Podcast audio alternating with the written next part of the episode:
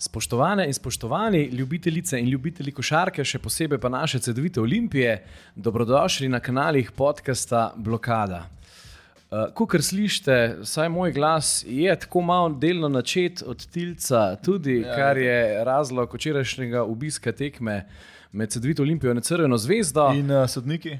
In sodniki, seveda, osmimi igralci, oziroma pustimo to. Uh, in ja, danes je nov dan, novi izzivi, in uh, s Tilcem smo vesela, da danes v 16. Uh, polčasu. Ja, tu to je nekaj ekstra, kot smo že na storijo rekli. Ta mesec bomo imeli dva polčasa, kar pomeni dve epizodi z gostom.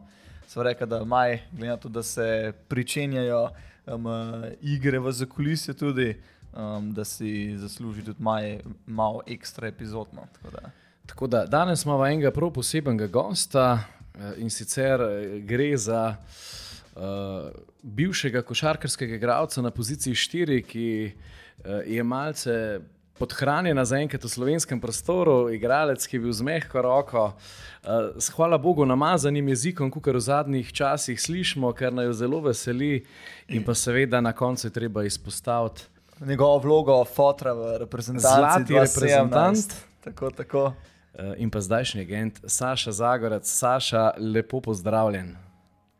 Lepo pozdravljen, hvala za povabilo in upam, da se bomo imeli lepo v tem pogovoru. Ja, tudi mi dva upava in uh, ja, res zelo smo veseli, da si se vzel čas in pa da ga bomo dejansko uh, konstruktivno predebatirali vse različne teme. Uh, Konec koncev tudi kaj novega zvemo iz. Uh, iz uh, rekel, iz tega področja, ki mogoče nam, oziroma tudi nasplošno navijačem, ni tako znano. Ne. Um, tako da se že res veselimo, no, kar se tiče tega rečemo. Košarkarskega agenta. Ampak uh, bomo začeli na začetku, kot se spodobi. Ne. Pri nama gre to nekako vedno po neki časovnici. In Saša, da se nam ti malo čisto osebno predstavi, v bistvu, kdo si, ne samo uh, iz košarkarskega vidika, iz kje prihajaš in v bistvu, kakšen je bil, bom rekel, tvoj prvi stik eh, z basketom, kako si do tega prišel, ali ste pač višina v to prsila. Fuh. V bistvu je najtežje vprašanje tako na začetku. Zelo težko je opisati sebe. Tisti, ki me poznajo, vejo, kakšen sem tem, ki bi se pa v tem kratkem uh, času lahko predstavil, bi pa lahko sam to rekel, da pač sem nekako, uh, mislim, da pozitivna oseba, uh, gledam na vse stvari, kar se da pozitivno in uh, to je več ali manj uh, to. Zdaj pa. Če govorimo pa o tem, kakšni so moji sami začetki, ne, daleč od tega, da bi bili začetki um, košarkarski, zaradi tega, ker uh, ker sem visok. To ni niti približno tako, zato ker sem bil v osnovni šoli v 8. razredu. Nisem bil najvišji, sem imel samo 1,80 m, pa sem v enem poletju zrastel za 20 cm. Tukaj se je nekako. ja. uh, tako da to je to. Ne morem glih govoriti o tem, da, da zaradi neke višine je pa to tako, da sem začel uh, košarko igrati. Predvidevam, da zato, ker sem vedno sledil brata. Uh, namreč tisti, ki dobro poznate košarko, spremljate, imam brata, tri leta starejšega, nekako vedno po njegovih stopinjah hodil. Željko, tako da vse kar, tako, vse, kar je on delal, sem jaz v bistvu nekako cepal za njim. Uh, še vedno bi rekel, da je imel on uh, boljšo kariero kot jaz, uh, ampak ja, na koncu se je zgodilo to, kar se je zgodilo z evropskim naslovom in mogoče mečkam prepoznavnost na moji strani, ampak uh, definitivno bi tako finančno, kot uh, uspešnostno kariero zamenil za njegovo. Uh, Čisto komu vprašal, so prvi doma vsi tako veliki, ali ste pač videli z bratom, potem zaradi samega športa se malo raztegnila, ker je dvignila poprečje. Ker čez dva metra jih nima vsak. Ne? Ja, ne, v bistvu, v bistvu je tako. No. Oba starša sta dokaj visoka, zdaj niso to neke abnormalne višine, ampak recimo, da je oče bil 1,98 m, mami pa Uh, dobrih 80 metrov, 80, se pravi tam 82, 83, in ja, to je po mojem nek, nek, genetsko. neka genetika. Ja. Je fino. Uh, še vprašanje, tako si v bistvu ljubljančen z okolice, da bomo vedeli tudi, kam te točno umestite. Ne? Ja, jaz sem uh, originalno iz Novih Jarš, uh, ljubljančan, uh, tako da ja, živel sem v Novih Jaršah. Od tukaj prihaja kar nekaj uh, poznanih košarkarjev, še več pa nasplošno športnikov, veliko nogometašov. Tako da je to neko blokovsko, ljubljansko naselje, kjer uh, smo otroci imeli v bistvu nekako. Uh, Žoge za najboljše prijatelje, in jaz verjamem, da zaradi tega prihaja do, do, do, do, do tako uspešnih uh, košarkarjev in pa nasplošno športnikov, tudi Edo Murič in Dino Murič, sta iz Ljubljana in tako, iz Jarša. To se pravi, to ste še ena stara šola, na rekovajih, uličari pa to, kar ste cele popoldneve, dneve na basket igriščih preživeli. Se kalili. Tako, domov, domov smo hodili samo jesti, pa spati. Ja, v bistvu res je to. Ja. To, to malo pogrešamo v današnjih generacijah. Ja. Ampak, če sem še 5, 6, 10 let nazaj lahko o tem govoril, kako je bilo takrat, zdaj ne upam niti niti omen, zaradi tega, ker uh, zdaj današnje generacije pa to sploh čutim, da, da, da, da je bilo to možno. No. Ja, tudi to res je, nažalost. Ja, pa konec koncev je tudi vsa ta igrišča dobra, nekatere so obnovljene, ampak je tudi uh, sam že vizualen pogled na njih včasih kar malo tak čudno. Sicer to ne bi smelo odvrniti mladine, ampak. Se mi zdi, včasih so še vse nekako bila igrišča malo bolj poštimana, z izjemo dan danes, nekaterih. Jaz, jaz bom pa tako rekel, no, da kjer je volja, tam je pač močne. Da, mislim, da dokler je obroč, pa ima beton, pa kakorkoli, se vedno da na igrišče prijeti, pa pač moš utirati. No. Tako da, saj z tega vidika. Mislim, ja, se strinjam, ja, v bistvu, ampak veš, kako je volja, pa moč, to je ponavadi vse pogojeno s tem, kaj imaš doma in kako si vzgojen. Zdaj, uh, današnja mladina je res uh, v bistvu zelo močna v teh uh, social medijih in tako naprej, in vsi so oboroženi z razno raznimi računalniki. Ja, vse zelo materialno. Tako, zdaj, a veš, tudi če bi bilo novo igrišče, bi bilo to zdaj kaj več otrok na njem, zelo dvomam, ampak ja, je pa verjetno, da tisti, ki. Ki se odločijo za to pot, da bi mogoče več vlagali vase, kar se tiče športa, uh, in je mogoče mečkano skrajšano s tem, ker nekaj igrišča niso uh, naj, naj, najboljša, najlepša, najprimernejša. Ampak eh, recimo, glik, zdaj sem se pel v, v Jaršah, še vedno živi moja mama, tako da sem eh, velik, velikrat eh, zavijen tja. In so na naši osnovni šoli res, res lepo uredili šolsko igrišče in je res lepo zavijati. Tako da, če boste kdaj tam mem, vršite oko, res je lepo igrišče. No. Nas veseli. Uh, Saša, da mi pa povej, v bistvu, kako si to zaštartil, kar se košarke tiče, kje so te tvoji prvi koraki rekel, na neki klubski ravni, v mladinskih kategorijah, vse skupaj. Uh, kje se je ta tvoja košarkarska pot začela? No? Ja, tako kot sem prej omenil, veliko velik, velik vpliv na to je imel moj brat. Se pravi, jaz sem začel košarko trenirati tukaj na, na lokalni šoli, se pravi, to je spadalo pod uh, Moste polje, kar pomeni, da je primat držal tukaj Slovan. Uh, ker sem na osnovni šoli treniral košarko, seveda, brat je bil že takrat v Olimpiji, so v Olimpiji slišali od njega, od brata, da ima žele brata in da to takoj treba pač poklicati v, v Olimpijo, glede na to, da je žele tako visok. Pa, ko sem prišel na prvi trening, je to bolj bogo izgledal, ker nisem bil glih podoben, podobne višine, tako da so bili mečke razočarani. In pa ja, Tako, zdaj, če bi sebe opisoval v mlajših kategorijah, bi rekel, da tam do 17 let res, res imam občutek, da so me bolj, bolj iz nekega usmiljenja držali zraven. Uh, pa, ko sem pa zrastel, pa tako naprej, ko je začel nekako uh, telo dohitevati ostale in tako naprej. Um, sem pa nekako češ ratu nek talent, ampak prej tega ni bilo. In, uh, To je to, pa, pa ne, je pa res, da, da, da sem tip človeka, ki ustraja in sem trener, in potem se pa puzle počasi začnejo sestavljati in karijera pa na koncu, ki se obrneš. Uh, mnogi pravijo, da bi lahko bila boljša, se strinjam z njimi, ampak uh, ko se obrnem nazaj, sem zelo zadovoljen. No, vse to. In kje pa je bila v bistvu ta prva članska tvoja uh, sezona, za kateri klub? Je bilo to celo Olimpij na koncu takrat? Ali... Si... Ja, zdaj to treba fully definirati, kaj pomeni članska sezona. Jaz sem, verjel, pa ne, jaz sem prvo tekmo za člane odigral že pri 15. Ne, ampak uh, tako da ne vem, v šali rečem, da imam 25-letno kariero, čeprav veš, tako, uh, gro, grozen se sliši, ne glede na to, da sem 38-39 let star. Ampak uh, ne, dejansko res v Olimpiji mladih se je takrat res dobro delalo z mladimi in, in mi smo igrali to drugo slovensko ligo ki je bila neprimerno boljša in močnejša kot današnja. Uh, tukaj smo bili sami mladi fanti in uh, igrali smo proti igralcem, kot so ne vem. Zdaj, če bi nam naštevil imena, vam verjetno ne bi kaj dosti spomenil, ampak to so bili igralci, ki so bili odsluženi, igralci, ki so bili namazani z marsičem in Fotri. to so bile te izkušnje. Tako, tako. Fotri, ki so igrali jugoslovanske lige, itd. itd. In zdaj, ki igraš proti njim, da se naučiš marsikatero novo foro in tako naprej. In zdaj, pri 15, 16, 17, tri leta se mi zdi, da sem igral to drugo ligo, se veliko, veliko naučiš. Pa pri Dragocene 18 sem bil že post. ne. Je, je, je, res je. Pri 18 sem bil prvič z strani Olimpije posojen v takratni bi- birokrat. Oni so igrali prvo slovensko ligo. Uh, in pa sem prišel nazaj v Olimpijo, igral še sezono ali dve v članski ekipi, na kar se je pa začela uh, moja ekspedicija po tujini, in, in to je to. No, sej, in če, če se boš spomnil, ker to zdaj ni lih včeraj, ne, eh, nekako eh, po podatkih eh, te je pot po prvo vodila k severnim sosedom, je to res, v Kaffenberg.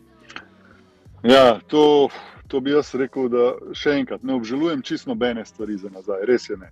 Ampak uh, to bi bila ena izmed napak. Mislim, je- to je ena izmed napak, ki bi jo mogoče spremenil, če bi jo lahko. Eh, Ne vem, kaj sem takrat razmišljal, oziroma takratni agent uh, um, mi, je, mi, je, mi je to predlagal. Jaz sem pač hotel takrat uh, na vse načine iz Olimpije, ker nisem dobil priložnosti in sem se odločil za, za ta korak. Takrat je ta sicer Kaffenberg res igral uh, današnji Eurocup. Tako da, ajde, to, Zanimivo recimo, da si. Ja, recimo, da si to uh, upraviči moje, moje, mojo to, uh, Odločitev. odločitev, ampak še vedno, ja, še vedno to ni bila prava odločitev. In ta odločitev me je zaznamovala še pa par sezon, ker seveda, kamorkoli te agent ponudi, ko, ko vidiš od zadaj, da si igral v Avstriji, je to tako ne. Bolj, bolj, bolj ne, ne, nelagodno za te klube. No. Ni, v- tako zgodaj v karieri, ne, če tako gledamo. Ne. Uh, kako? To je bilo, fuh, to je bilo pred 19, ali da je bilo 20. Ne?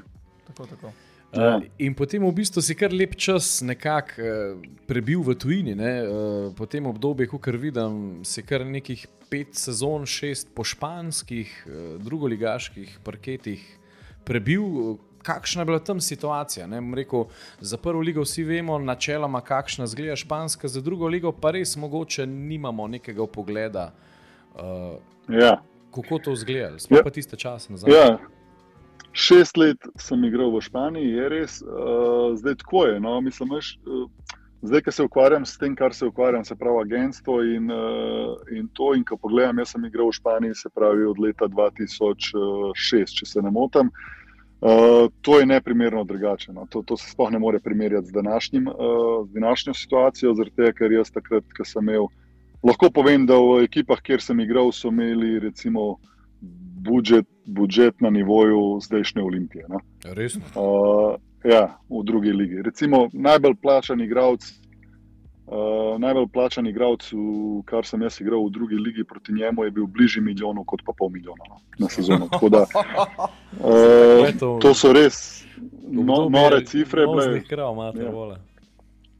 Ja, to je bilo res, mislim, jaz nisem mogel verjeti in, in res take. Uh, tako, vem, da po, po enem, treh, štirih mesecih, ko sem prišel tja, ko sem enkrat brata klical, on je takrat v Nemčiji, se mi zdi, igral, sem rekel, le, žele, jaz igram kle po 6-7 minut, jaz kot tujci, jaz mislim, da me bojo šutnil, to je, to je brez veze. veš. Na kar sem zvedel, koliko imajo vsi iz te prve petorke tujci, kakšne pogodbe imajo, sem rekel, no, ne bojo me šutnil zaradi tega že. Ker, ker sem tako pocen, ja, uh, res, to so bili res nenormalne številke. Jaz to zdaj, ko se pogovarjam s temi klubi, recimo, ko se pogovarjamo o igravcih, um, je to zelo, zelo bogo trenutno, kar pa ne pomeni, da je liga slaba. No, liga je še vedno zelo kvalitetna, njihova druga. Uh, tudi pred kratkim, kakšne dva, tri mesece nazaj, sem bil na enem derbiju, uh, kjer sta igrala Estudiantes in Girona, se pravi Girona, predsednik kluba, če veste, je Marga Sol trenutno ne, in tudi igra za njih. Uh, v dvorani je bilo 9000 ljudi, v drugi ligi uh, navijanje, Estudiantes je se pravi drugo ligaš, novi letos in hoče priti na vse načine nazaj v prvo ligo. In se pravi, polne dvorane in tako naprej. To je neprimerljivo z, na, z našo prvo ligo, pa še le z drugo. No, Tako itak. da, ja, tako da, kar se pa tiče budžeta in pa denarja, pa ni več na tem nivoju, kot je bilo 15 let nazaj. Ko pa sam la, lifestyle takrat v Španiji ti je tako odgovarjal, drugače, ker se veš, tropiko, Španija. Ja, vse to je pa v bistvu, kako bi rekel, zdaj, ko gledam za nazaj, je v bistvu to kar en problem. No? Zaradi tega, ker španska druga liga, ne vem, če veste, oni igrajo tekme ob petkih. Ne? Petek zvečer ob devetih so tekme, vse, vse tekme se igrajo ob petkih zvečer. In dejansko to pomeni, da si ti vikend fraj. Um, Pri njih ni nobenega problema, da če ti igraš recimo v Barceloni, pa si iz drugega mesta, da če vprašaš, da bi ti v Barceloni še za vikend ostal, ni problema, pač priješ v ponedeljek nazaj z avionom. Se pravi, tako dost, pa ne bom rekel amaterska. ker je Turistično. Ja, ampak tako, ne vem, dajo ti, neko, dajo ti neko svobodo in tako naprej. Jaz tega nisem bil navaden, ker sem prišel iz olimpijske šole v, v tako neko sredino, da te, veš, da te ni- nikoli ne, mislim, da te noben ne kontrolira, da ni problema ostani dva dni v Barceloni, v Madridu, kjer pač želiš. Uh, teh problemov ni bilo in mi je bilo to zelo čuden, po drugi strani pa seveda pred 22, 23 ti pa kar malo paše, no, da si, hvala Bogu, od šestih let sem bil pet na morju, tako da ti nekako paše, da si da si nekako, da imaš vikende fraj in tako naprej. Zdaj, ko gledam, seveda vidim, da je to neumnost in da, da, da ni bila pravilna odločitev, oziroma ne, ni bila pravilna odločitev. Jaz sem čist užival v tem, ampak eh, seveda bi moral te vikende koristiti za kakšne treninge, kar ne, da nisem, ampak bi lahko še dosti dal. No. Eh, Potem si pa v bistvu nekako uh, leta 2012 potem zamenil za italijanske parkete. Ne? Si se preselil v Imolo. Uh, kakšno je pa stanje v italijanski drugi ligi? No? Mislim, vsaj dan danes smo slišali, ja. da se pa tam kar dobri denarji obračajo, predvsem za tujce. Kako je pa samo ligo, glede na to, da vem, dve, dve, dve skupine po 24 klubov, ali kako je? No? To je pač res ena ogromna liga. To je zdaj čist nekaj drugega. Takrat ni bilo tega. Takrat je bila druga liga, ki sem jaz igral v drugi ligi, italijanski, je štela 18 uh, ekip, uh, tako kot prva, vse normalno, vse isto, samo da je bilo število tujcev manjše uh, kot v prvi ligi in to je to. Zdaj, sama liga je zelo kvalitetna, ni na nivoju španske, je pa trenutno uh, finančno dosti močnejša kot španska. No. Kvalitetno ne vem, ker nisem gledal kaj dosti leto, letos tekem in tako naprej, da bi, da bi znal oceniti, katera liga je močnejša. Ampak finančno so pa recimo, da oni še vedno na nekem nivoju, medtem ko španska druga liga ni. Bolj taka stat peddling liga, ki si tujci pridejo. Ja, ampak veš kaj, za, tako, ampak tako, pa tudi zaslužiti. a Veš, zdaj, če si igral, ne vem, da si star 35 let, priješ v drugo italijansko ligo, še vedno dobro zaslužiš, uh, igraš kvalitetno košarko, mogoče mečkam manj pritiska in to je to. Ampak meni najbolj zanimivo v drugi italijanski ligi, recimo to, kar me je fasciniralo, je to, da kamorkoli priješ proti kjerkoli nasprotniku igraš, boš imel, ne vem, ne 3000 navijačev. In to je bilo meni To je skoraj bolj kot prvi. nepredstavljivo. Zelo podoben, no? zelo podoben. Recimo, jaz v Imoli recimo, smo imeli zelo močne navijače, ampak to ne vem, greš v, kako bi rekel, na jug, dol v Napoli, na igro tekmo in pride dejansko pride 7-8 avtobusov naših navijačev. Veš, To je meni nepredstavljivo. ne. No, Ja. ja. Tako da, Da dejansko Tako, no, mislim- road tripajo z ekipo. Ne?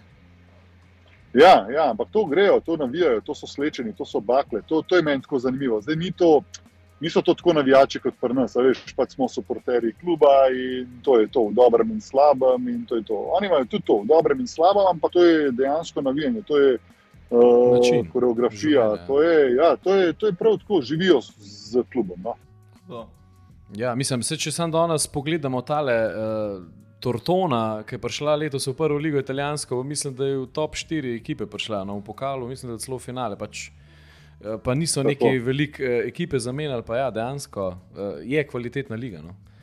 Uh, Je, je, je, pa tudi to, tudi to, ta en Fortitudo, zdaj, ki je izpadel, recimo, ja. ne, oni, oni budžeta, po mojem, ne bojo kaj dosti spremenjali za drugo ligo. In navijači ne bojo zdaj, zaradi tega, ker je pa druga liga, bo pa manjši obisk. Ne, Ja. ja. To je pri njih normalno. Se pravi, nadaljujemo naprej. To smo se začrtali, pač izpadali smo, v to verjamemo in gremo naprej. No, potem si pa Saša zopet počasi prišel na slovenske radarje in sicer uh, takrat je še Grosuple igralo prvo ligo, kjer si, kjer si ga kar trgu ne, v prvi ligi. A takrat je bil groz basket že zraven? To ne vem, to bo Saša povedal. Ne, ni, ni bilo, ni bilo grozno. Oziroma, če se prav spomnim, pa ne me drži za besedo, se je glih takrat neki Ja, začenjal. ja bilo mislim, kaj da so sezona sedem let dva- zdajle. Ja.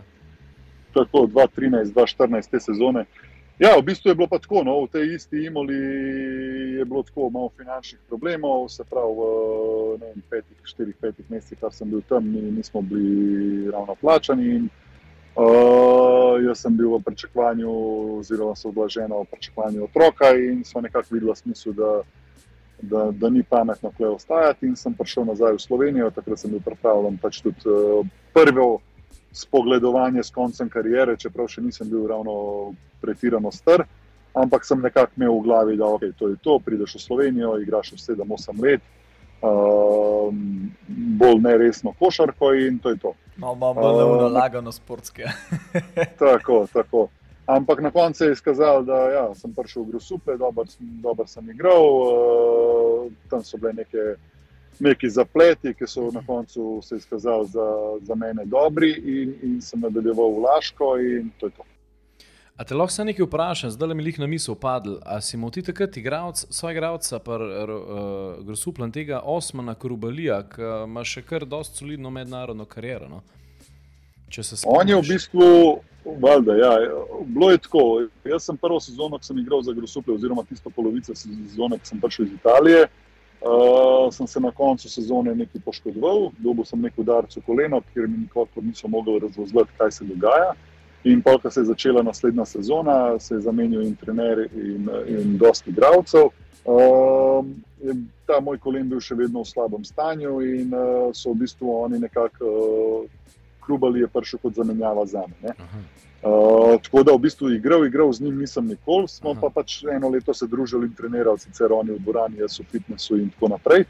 Uh, dokler se ni razrešila ta moja situacija, tako glede kluba, kot glede kolena. Uh, je pa en, to je en zelo v redu dečko, pa sva igrala še kar dolga leta, mislim, kar ne par sezon sva igrala en proti drugemu, tako v TB ligo, kot uh, italijansko ligo in tako naprej. Tako da, uh, sva še nisva zdaj, da bi rekel, best friend, ampak uh, sem pa kaj, si kaj natipkala in tako naprej. Ja, no, lih, eh, za tega, ker tega igralca se prav spomnim iz Grosupla in potem ga jaz zdaj, ki malo spremljam zadeve, mislim, da je v Grčiji, v Turčiji trenutno. Uh, Ja, on igra v Grčiji, v Iraklisu. se mi- ja, da ima dejansko dosti solidno uh, kariero. No? Uh, Ja, ja, ona zelo dobro kariero. Ja. Ker glede na to, da tiste tujce, ki ponovadi srečujemo v Sloveniji, lih, bom rekel, ne pride vsak do takih lik, kot je on. No. Uh, ja, Ja. potem pa Laško, takrat uh, zelo dobra sezona tvoja, kot mislim, da tudi samega kluba. In rekel, takrat se je nekako ta tvoj drugi vzpon na gor začel. Ne?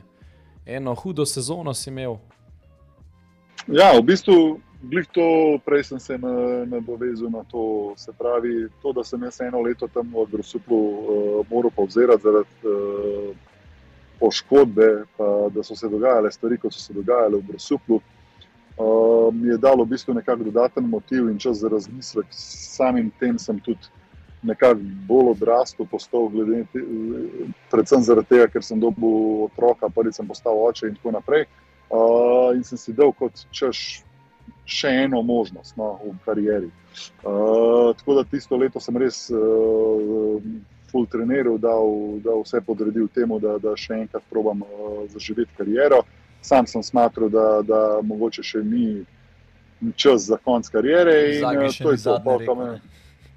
Tako, in pa me je na, na srečo uh, poklical uh, Peđa, Predrag Peđa Milovič, uh, da bi rad gradil ekipo okoli mene. Sicer je res, je, res je, še enkrat se mu v tej priložnosti zahvaljujem, pa, sem, pa ni prvič. Uh, z, um, res je velik rizik vzel, da me je pripeljal kot nekega nosilca v svoj klub, glede na to, da eno leto nisem igral, ampak on je v to verjel, zato se mu zahvaljujem. In, od tukaj naprej je šlo samo na gor. Po tej sezoni uh, je bil tudi prvi, da moramo reči, prvi nekako malo bolj uraden klic reprezentance in to je to. No, sej, ta tvoj klic v reprezentanco se je pa v bistvu tudi zgodil, kaj pri tvojih 30-ih tam nek, ne? Ja, to je fulj zanimivo. Lej, zgodba, zgodba gre tako, da uh, takrat je v slovenski košarki, oziroma KZS, imel tudi možnost, oziroma so delali uh, B reprezentanco. Ne? To je bila In kitajska vrtina, eh, kako? Tako, Mislim, da- ta, tako. In zdaj mene so oni klicali z Košarkarske zveze, se pravi, uh, Rado Trifunovič kot selektor B reprezentance me je poklical in rekel, uh, B reprezentanca obstaja, to je ponovadi za mlade fante in pa za take, ki pač verjamemo, da bi mogoče lahko tudi pomagali članski reprezentanci, a bi bil pripravljen igrati. Zdaj v tem momentu sem jaz imel situacijo tako. Uh, igral sem, prišel sem po enoletni pauzi, odigral celo sezono, vse tekme, pa verjetno, kot Predrag Milovič pravi, glih toliko minut kot sodniki. Uh, se pravi, zmatran v nekih letih, dva otroka, oziroma dva dojenčka doma, uh, in zdaj klic reprezentance. Ne? In jaz sem pač, moje srce je hotel na to reprezentanco, po drugi strani pa nekako razumeš, Ja, En let sem bil stran od otrok, oziroma ok, se celje, pa delaško niste daleč, smo se videli, ampak niso pa bili skozi pri meni. ne. Uh, tako da na koncu je vsem prevagal, da, da pač uh, seveda v pogovoru doma z družino, da pač grem v to reprezentanco. Če sem si eno leto nazaj dal možnost, da, da, da bom spet spravil eh, kariero v red, je to neka, neka priložnost dodatna z reprezentanco. Sem šel na Kitajsko, en mesec stran od, od vsega. Uh, tam sem bil, meni se zdi, da od drugega najstarejšega, ne vem, ene osem let starejši.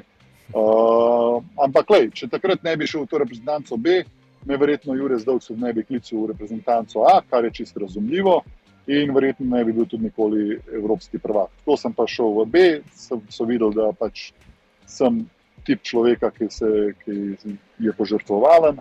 So mi dali možnost v reprezentanci A, kjer sem se dokazal, bil zraven in pol takoj Juretov uh, naslednik Igor Kokoškov je verjetno imel že v pogled v te reprezentante in je v bistvu bilo nekako eno z drugim pogojeno. Tako Da, če ne bi šel takrat na Kitajsko za en mesec, ne bi bil nikoli evropski prvak, če, če skrajšam. No, jo, vidiš, kako bi rekel, vse se zgodi z razlogom. Ja, kakšne zgodbe življenja piše, ne? v bistvu res po vinkih, ampak evo. Pač tam moraš, ja. moraš skočiti na ta vagon, pa se mu prepustiti. Ne?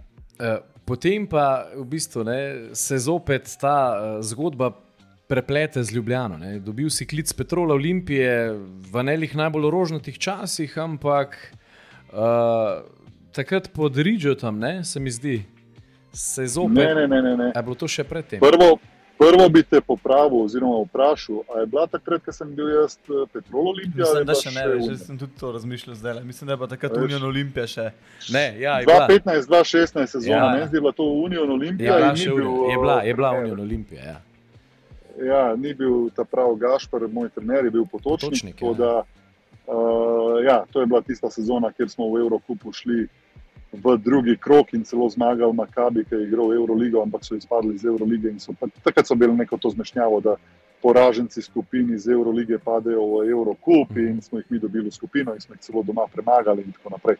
V bistvu zelo dobra, zanimiva sezona, mlada ekipa, ampak enostavno nas je na koncu, evropska sezona, full dobra, aba sezona, full dobra, na koncu nas je pa zmanjkalo eh, tako v pokalu kot v slovenskem prvenstvu. Tako da spet na koncu eh, neuspešna sezona, čeprav celo sezono si, smo dokaj dobro, korektno igrali. Ja, jaz se še na pamet spomnim tiste zmage v, v Španiji, v Evropi. No. Meni se zdi, da je bila una ekipa, ki Mum, Bilbao, ki je Mumbru, Mumbru tam bil trener, ali takrat še celo špilo. No. takrat je še igral, trener je bil pa Sito Alonso, pol No, no, ja. kasnejši trener Barcelone in pa tudi CD-vite Ja. v Zagrebu. Ja, takrat je zagi trice cepu, kaj za šala. Ja, malo mal so obroč raztegnili. Kot Clay Thompson. Ja, eh, in v bistvu potem pa je že kmalo zatem. Uh, si pa šel v Luke Oil, oziroma ali je bila še prva reprezentanca? Ne, ne, ne, ne, ne. Luke Will pa potem. Uh, veš, kako je bilo? Bilo je reprezentanca, ampak so bile kvalifikacije. Ja, 2016, tako, tako. To so bile takrat so bile. kvalifikacije in takrat smo igrali tudi Blix Bulgariji in ta Lukoil je prišel. Fuh, kaj pa vem. Uh, ne vem, tako mešani občutki. Šel sem v nek zelo, zelo urejen klub, po drugi strani pa iz Evrokupa, iz olimpijskega Evrokupa v takratno Champions League v Bolgarijo. Ne vem, ali je bilo glih najbolj pametno, ampak nekako sem to videl kot izziv. Sem šel tja, uh, igral pol sezone, oziroma do novega leta, dokler se je igralo Evropsko tekmovanje, ki smo iz, te, iz drugega kroga izpadli. Nekako nisem videl več smisla v bolgarski ligi sami igrati, ker je približno ne vem, 60 razlike, 60 točk razlike si zmagal vse nasprotnike, pa ne da podcenjujem vse ostale. Ampak, Ja, ampak ni, ni lih to fora. Se meni tako, pa sem pa dobil, istočasno sem pa še dobil ta klic iz VTB lige, v kateri sem se res želel preizkusiti in to je to. Pa je bila ta Parma, VTB liga. Kakšna je pa ta najmočnejša izkušnja? Liga. Ja, to tudi mene zanima, VTB liga, pa pač to je dejansko zelo proper Jaka liga in liga, vse ful, skupaj. Ne? Po mojem mnenju je najmočnejša liga v Evropi, če gledamo moč kot moč, ne? ig- igralska moč, se pravi najbolj čvrsta liga, bi rekel. Ne? Najboljša je, se strinjamo vsi, verjetno, mislim, zagotovo španska. Ja, tako, tako. Uh, ampak tako najbolj trda, najbolj moška košarka se je igrala v VTB ligi, uh, neka nova izkušnja.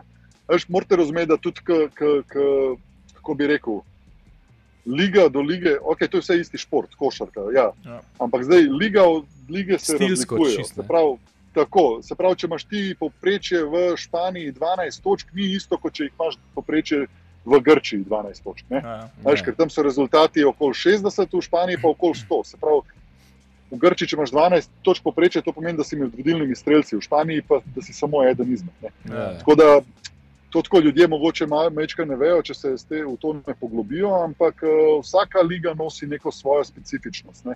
In uh, ruska liga je zelo, nisem ruska, VTB liga je zelo trda liga, moška liga, uh, veliko pretepa je, veliko je. Veliko faulov se ne piska, Ker ki bi recimo kje drugje jih rade volje. ker Rusi niso tehničari, so bolj fizikalci. Ne? Tako, ja, pa veš, v, Rusi, v, ruski ti, v ruskih ekipah imaš ti, dva, v vsaki ekipi imaš dva igralca po 2-15. Veš, to, to v eni Španiji ne boš videl, ali pa v Ja. Grčiji, ali pa kjerkoli. Veš, tam pa pač to imajo in, uh, veš, in to so te fantje, ki recimo, ne so tam za pretep, za, za, za, za dobre bloke postavljati in tako naprej. B- Buldožeri, če tako gledaš. ne. Ja. Ja. No, pa Ampak vse je overall tako zelo zanimiva liga, zelo na nivoju, z petimi, šestimi ekipami, ki krojijo vse evropske uh, lige, tudi ali je to bodi si Eurocup, Euroligo, Champions League, ne vem. CSK, Himki, eh, Unix, eh, Lokomotiva, Saratov, Nižni, to so vse močne ekipe. Tako, Sploh nižni da- ko je itak. A tisto sezono so bili kašni Litovci zraven ali pa Poljaki, kot so zdaj, ali Kdo je bil še kakšen Uh, Ne, zdaj, zunanji? Bili so, bili so Latvici, se pravi, bila je Riga, Vef? bili so mi, Smoki, Minsk, se pravi, Uk, ne Ukrajina, Belorusija? eh, Belorusija, pa Astana, Aha, Kazahstan. ja, ja. A ja, pa, pa Estonci, Talin, eh, se pravi, Kalo, eh, Kalo Kalo. Kramo. Kale, ja. Ja, ja, tako. No, potem pa še Evropsko prvenstvo. Uh, kaj lahko rečemo? Je bila to krona tvoje kariere, oziroma S- Mislim, da je zaginil, če razmišljal in bo Mislim, to rekel definitivno. da slišimo z tvojih ust? Ne, ali... Uh, ja, valjda, mislim, lej, jaz mislim, da vseh 12, če bo- bi vprašal isto vprašanje, bi vsi isto odgovorili, da je to krona karijere. Uh, zdaj je edini Luka lahko še to nekako premakne, po mojem, ne, ampak uh, tudi pri njemu mislim, da bi bil odgovor isti. Uh, za mene definitivno to so bili ne, najbolj nepozabni trije meseci. Pač, ne vem, v končni fazi zdaj prihaja dokumentarc, ne vem, kako ste seznanjeni Ja, s tem. res, res Ja. ja. se In tudi čakamo, Čakamo. Si si že ogledal, Ja. si že pogledal. Ja, sem ogledal si. Če te vsaj malo košarka zanima, moraš to prijeti pogledati. No. Uh, da mi povej, ne, v bistvu celo ta poletje je bilo tako, ne, rekel, sedma sila je nekako malo pritiskala na vas, kakšni so vaši načrti, untret. Pa potihem se je kar, kar orang nekako pričakoval, da pa Čeprav- neki bone. Predhodne izkušnje niso bile lih najbolj rožnate, konc koncev takrat je Anthony Randolph kar uletel v repko. Kako ste v bistvu sami igravci? A ste to kaj drugače vedeli, da se kuha, oziroma kako sprejmeš, da v bistvu dost soliden, fajn igravc, preverjen, rogaški, ti uleti v repko. uh, se malce, konc koncev, zagi tudi na tvoj položaj. Uh, kako se je takrat to poletje vse to začel kuhati, pripravljen vse to? No? Aj, Veš, kako je? Prvo je drugače ali kakorkoli. Mislim, ja, ti slišiš, da se nekaj dogaja, ampak veš, to je tako, kot na, tvojmu, ne, na, na vseh ostalih delovnih mestih, ko slišiš, da se bo nekaj menjalo. Ja, ok, slišiš, ampak ti še vedno moraš svoje delo. Ja, to definitivno. In tako nekako je tukaj. Ne. Veš, ti nekaj slišiš, ampak ti se še vedno pripravljaš na te priprave, da boš prišel najbolj optimalno pripravljen in tako naprej. Uh, zdaj pa tako, no, ta ekipa, to je posebnost te ekipe. Zdaj, mene si izpostavil, da recimo, je prišel na mojo pozicijo. Jaz sem predtem na teh kvalifikacijah igral, sem bil druga šterka, ne vem, z Edom sva igrala skupaj to pozicijo in sem imel nekih, ne vem, poprečje 15 minut. In, ampak glih ta odlika te reprezentance je bilo, da, da smo bili res pripravljeni vsi se podrediti ekipi. In, lej, če minute ne bi igral na tistem evropskem prvenstvu, vem, zakaj sem tam, vem, kaj je moja vloga, na to imaš fokus. In pa da, si, pa da si v bistvu vsi v istor. Pa da si konstantno spreman, da takrat, ko te na parket pošle trener, da narediš maksimum in res pač daš tisto od sebe, kar imaš v glavi. Tvoj, kar ti je cilj v bistvu v glavi, da do tega priješ. Naloga. Toč, točno to, ja. ampak veš, ni samo na igrišču, veš, tudi no. zadeve izven no, igrišča. Veš, moč, vse moraš imeti nekako pod kontrolo. Uh, da si vedno, ne vem, ne moreš ti zdaj tja prijeti med 12 igralcev, ki je četrt finale, pa se vsi pripravljeni z glavo, zdaj pa ti edini od njih, ne vem, joj, zakaj jaz tam nisem igral, pa ja, zakaj mi nekdo ni dopadal. Ajš to, črna ovca si tako, ampak mi smo to do, dokaj hitro razčistili, ker smo vedeli, kdo je nosil cigor te, uh, te vloge zelo, zelo hitro in jasno povedal, tako da če nisi razumel, nisi bil zraven. Uh, in to je to, in pa, če samo slediš, v bistvu je to nek tak proces, kjer si ti v bistvu samo, ne vem, veš, uh, čredni nagon, hodiš v tem, verjameš, greš in to je to. Si v transu v bistvu. Ne? Tako. Ko pa kokoškov, pač na ven res gleda taka specifika, umirjen vse. Uh, a je to kdaj popizdil, a je pač enostavno tak tip človeka, da, da pač vsem reko tako džentlmensko sfural, kako bi se sploh izrazil. No? V bistvu vse, kar si naštel, je. Znal je popizditi, ampak spet je imel dovolj pametne igralce, da ni imel za kaj pizditi. Verjetno se s kakšno stvarjo ni strinjal, ampak veš, ker je imel take igralce pod svojim okriljem, je vedel, da, da je to za neki dober in tako naprej.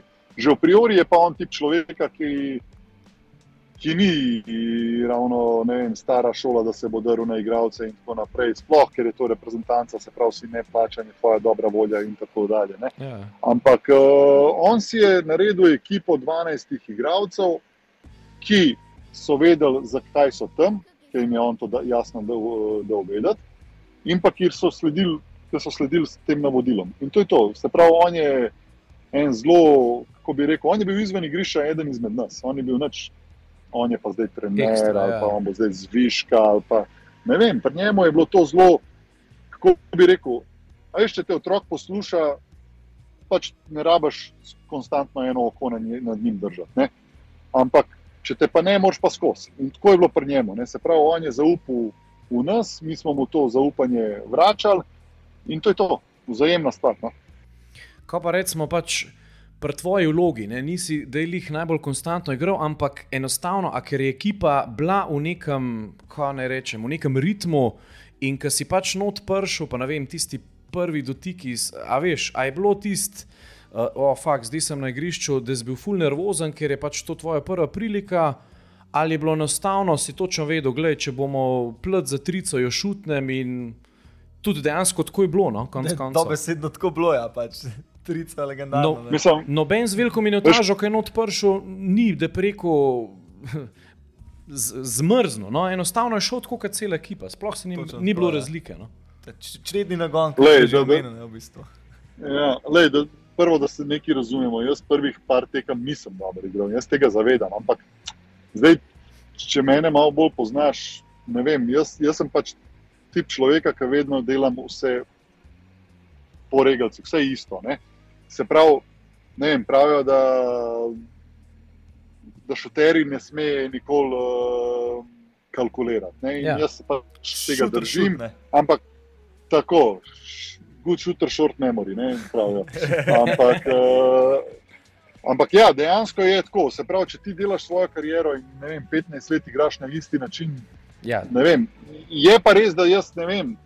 Jaz sebe ne vem, kako me vidijo drugi, kako me vidite vi, ampak uh, jaz kot igralec, ne vem, me res ni bilo nekako, mi je bilo dokaj vsem, uh, v kateri minuti dobiš možnost za šut. Pri meni, jaz mislim, da je bil vedno šut isti. Zdaj, ne bi rekel, da sem ga v začetku tekme dal zaradi tega, ker ni bilo pritiska, ali pa na koncu tekme falil zaradi tega, ker je bil pritisk. To ne bi rekel, ampak pač vedno isto igraš, da ga daš ali ne, pač odvisno od dnevne forme, dnevne ali pa ne vem, tistega določenega šuta. Tako da ne. Pač delaš svoje, zato kar najbolj znaš. Vse v končni fazi 20 let treniraš, tega, da priješ tako situacijo in zdaj, ja, zdaj boš pa ti kalkuliral, a 20 let treniraš ta šut. Veš, mislim, to je zelo, zelo velik pomankljaj, ne samo zavesti, če bi pri takih stvarih uh, kalkuliral. Točno to je.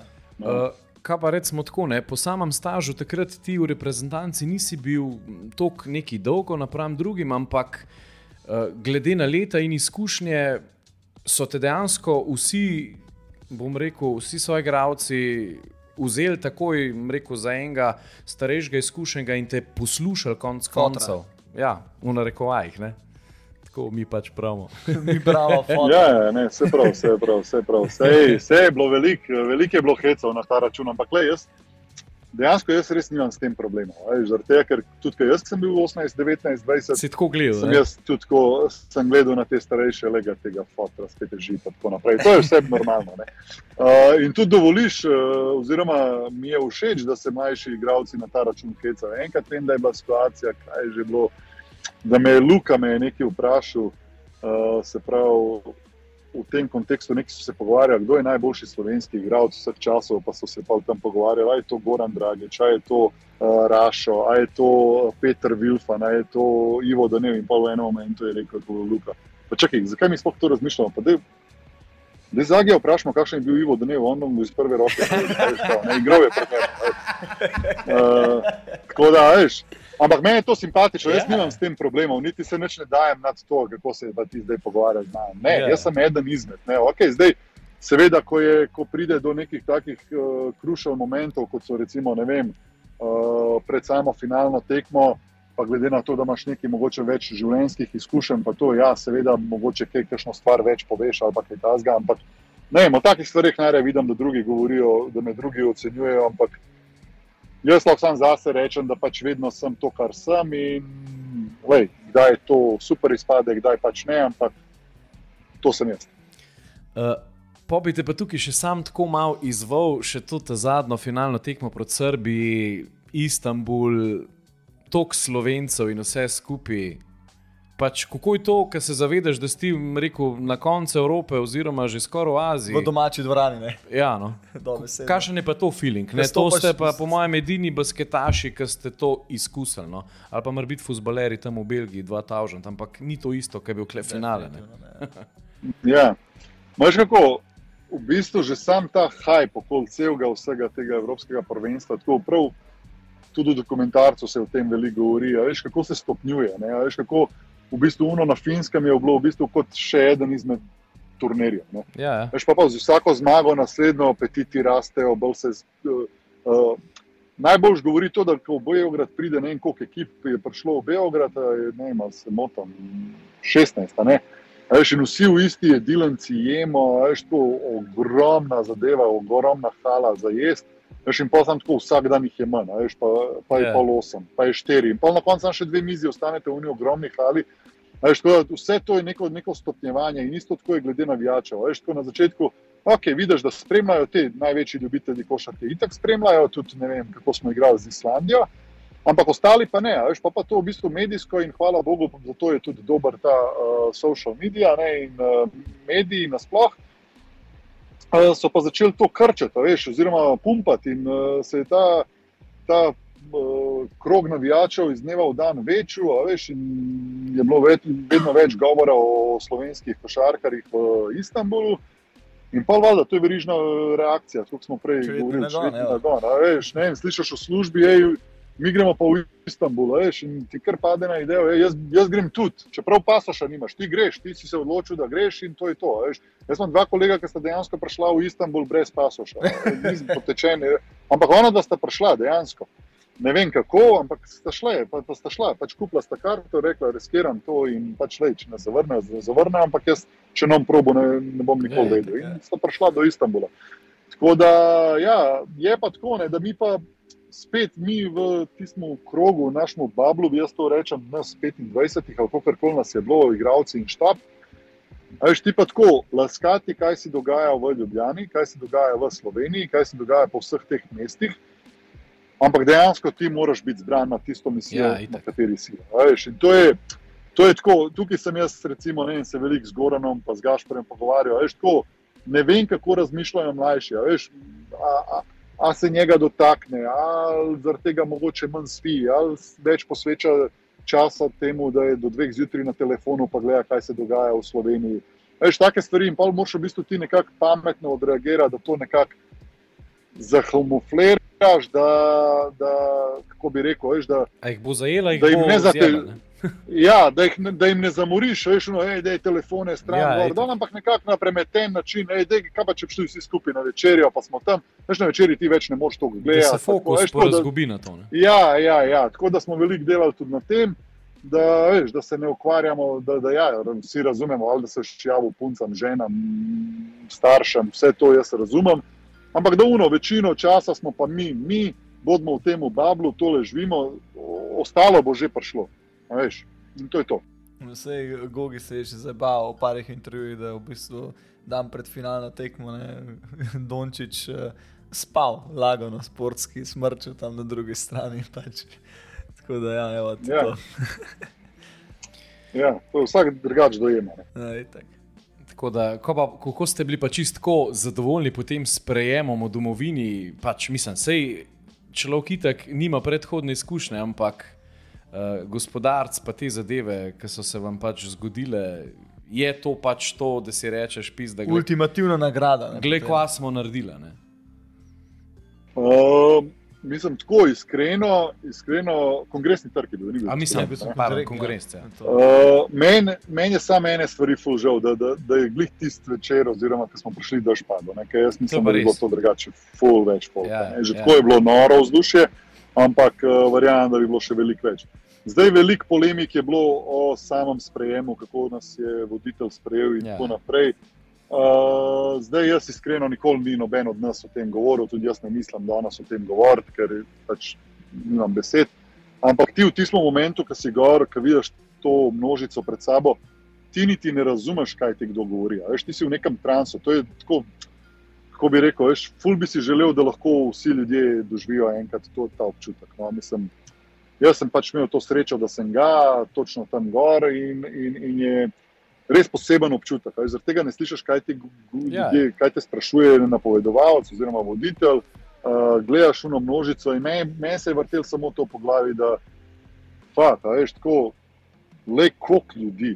Veš, tako, to, te ljudje, koliko jih še je, ki niso uspeli priti iz takih ali pa drugačnih razlogov, so tam sedeli, gledali tebe, ko igraš košarko. A Veš, Ja. tako, Šport, koliko predstavljivo, to je šport tisto- poveže publiko. Ne, in To, točen to, točen to. Sej vmes je bilo, ne vem, pa en igralec drevo, pa drug je že prestar, pa tretji, kva ta dela v ekipi. Vse to jaz razumem, vse to je navijaško in vse to gordo, ampak na koncu pogledaš, to je bilo teh 12. Verjetno Ja. niso bili izbrani z ulice, uh, tako, ampak to je neka ekipa, vsak je bil s svojim razlogom tam, uh, to je tvoril to neko ekipo. Kdo pa prav, če bi bil na mest mene Michael Jordan, da bi bili prvaki? Ne Ja. vemo. Točno to je. A Veš, pač, lej, tako je.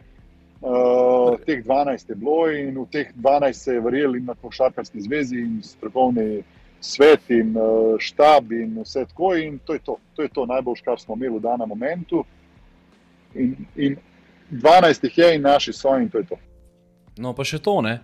Uh, še kar ste, smo evropski prvaki, pa dejansko brez poraza prišli do, do konca. Ja, ne. to, to je To pa je- še bolj impresivno. Je to 9-0 ali 10-0, skorno v glavnem. 9-0 je bilo, ja, 9-0 Pač- je bilo, ampak veš pa, ja, veš, ampak to je tisto stopnjevanje. Veš, ti, mislim, Veš, po, po vsaki tekmi ekipa dobija na samozavesti, veš, uh, deluje nek bond, se dela med igralci. Veš, mogoče med, v, v prvi tekmi, mogoče jaz pa ne vem, ker še svoj, svoj igralec niso bila na tej valovni dolžini. Veš, ampak vsak naslednja tekma te nekako poveže in pol do konca, do finala, do Še tega. In pol na koncu ti zavedaš, da si v bistvu ti nekaj spisal neko zgodovino in da ne vem. eh, Ob mojem imenu bo vedno vem, tudi prepeličev pri Inkom. Ja, pa, itak, pa ob vem, Čančarjev mu repčev. Veš, tako pač je, teh 12, to je to. In, Ja. a veš, in to te nekako poveže, in zaradi tega pravim, da smo mi, mogoče se ne slišimo redno, ampak to je. Ne, ne, pač ne, nek pač to je za brotherhood, vedno a ostalo. Ej, še Ja. to me zanima, ne? finalna tekma. Gogi razstorava se iztroš, Krči, bum, totalno donke se pofavlja. glečen avt. A so, a so bile tako tisti, pizda, ofak, ne, ko se nam pa zdaj neki, ne vem, proti nam zarotil, oziroma je bilo sam nič, gremo gasa, drug noter, pa sam griz. Jaz mislim, da je sploh ta finalna tekma en velik pokazatelj ravno tega, ko si ti rekel, Saša, ta Ja. povezanost Vsi in ta in trans. vse. Ker dejansko je potem tudi klop prišla še posebej do izraza ne, in je praktično klop potem do konca tekmo propalala tako, kot se pač zagreja. Ne. A ste kdaj kaj tako opizda, ker so se nam recimo nosilci malo strošili, poškodovali, pa v bistvu ni bilo, ni bilo razlike. No? Dejansko nobene. Ja. Ja, veš, veš, to je, to je tisto, kar smo prej govorili. Ne? Se pravi, veš, ekipa ne more biti ekipa v pravem pomenu besede, če Goran Dragič ne, ne zaupa Alekseju Nikoliču. Pač to pa ni ekipa. A veš, če ne vem, Gašpor Vidmar ne zaupa Žigi Dimcu. A Veš, to, to pač ne more biti pol ekipa. In tukaj je ta pokazatelj, da na zadnjih pet minut, kako koli je ostal, pač je Goran verjel Aliju Nikoliču. a Veš, in to je, to je ta odlika velikih igralcev. Veš, se pravi, da je on bil, da je vedel, mislim, vse zdaj, a veš, če bi on lahko igral, bi verjetno valjda Ja, hotel igrati, ne, ker to je once in a lifetime. Ampak tako, hočem povedati, veš, da pa, ne vem, v končni fazi Igor je verjel. A Veš, jaz ne vem, kako bi jaz odreagiral, če bi mi Goran Dragič odšepil tri minute pred koncem, veš, na klop. Mislim, veš, ne vem, Ja. pejt pa bo na eni nogi, veš, mene ne zanima. ja, ja, veš, ne? Uh, veš, ampak tako, oni so pač to verjeli, mi smo verjeli. Je pa dejansko tudi tako, ker igraš ti enkrat finale, ti ne razmišljaš o tem, kdo je transu, ne, kdo je, kdo ne. Ne, ti si noter, ti, ti res, veš, ti greš, ti, veš, mislim, imamo pa, hvala Bogu, imamo take igralce, da je en prepelič takrat videl, to prepoznal. A veš, vzel žogo pod, pod Pajsko, jo je dal in ok, zdaj ni teh dveh glavnih, zdaj sem jaz tle ne, in tako naprej, Blažič, a Ja, veš. ja, ne. so nobeni je ustrašili vse to- odgovornosti. ne. Tako, tako, ampak to glih, nisem pa ustrašil odgovornosti, tega, ker kot prvo je ta karakter, kot drugo pa vsi, ker vsi ve, da je to njegova dolžnost. Pa njegova dolžnost je, a veš, ne vem, Gogi nas je pripeljal do, se pravi, do, na 99 posto, zdaj pa izklopil telefon, ker bi moral se napolniti do konca. Veš, ne boš, ne. Ja, A veš, pač moram jaz to oddelati za njega. Ne. Tako da to je tak neka, ne vem, kako bi rekel, če bi slikovito opisal. No. ja, ne, sej. so čisto prave besede ja, na mestu. res.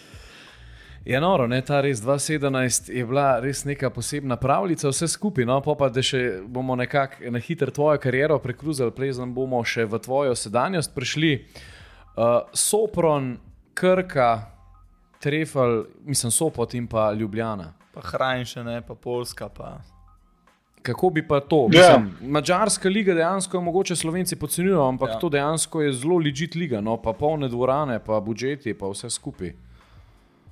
Mislim, ja, lej, uh, Mađar, prva ena stvar. Jaz sem Mačarsko za mačarski klub podpisal še preden se je Evropsko prvenstvo začelo. Mečka napaka, po drugi strani pa Zihrca. a sem bil v teh letih, ja, Ziheraš, blizu doma, to, ta klub je zelo blizu No. uh, Dunaja, tako da ne, v treh urah uh, sem doma, otroci v vrtu, žena dela, se pravi, ne vem, vikende si se videvamo in tako naprej, neko sigurnost sem iskal, ziheraštvo, ki si rekel. In sem pač to podpisal še pred Evropskim prvenstvom. Zdaj, verjetno bi se lahko kaj drugače odvil, ampak A sem si imel slučajno ne kakšne ponudbe preveč. po, po evropskem, za katere ti potem Ja, da si- imel, imel sem. Ja, pa, pa ne po evropskem. Ja, Reggio Emilia je bila italijanska Aha. liga in to z, trenutni uh, sodelavci oziroma šef mi je. Uh, ne po evropskem prvenstvu, med Evropo, še na finskem smo bili, ki mi je prišel s ponudbo, ampak žal ni šlo skozi. Uh, tako da, ja, nimaš kaj, to je šport, Ne. to je pač to odločitev, sem sprejel, to je treba oddelati. In ja, pol, uh, pač ja, malo je bilo težko po Evropskem prvenstvu prijeti uh, igrati Mačarsko ligo, pa ne da jo podcenjujem, ampak uh, enostavno, enostavno Slovenci preveč podcenjujemo Mačarsko ligo, sploh ni tako slaba, polne dvorane, dobri tujci, tudi domačini so kakovostni, kot so bili pred deset, tako iz leta v leto boljši. Uh, tako da ni za podcenjevanje ta liga, ampak kot sem rekel, jaz pač takrat sem gledal nekako na neko finančno sigurnost, ker je ta klub sigurno zagotavljal neko, neko uh, ziheraštvo v smislu, uh, da sem lahko blizu družine, uh, ker sem jaz namreč zelo, zelo familiaren tip človeka.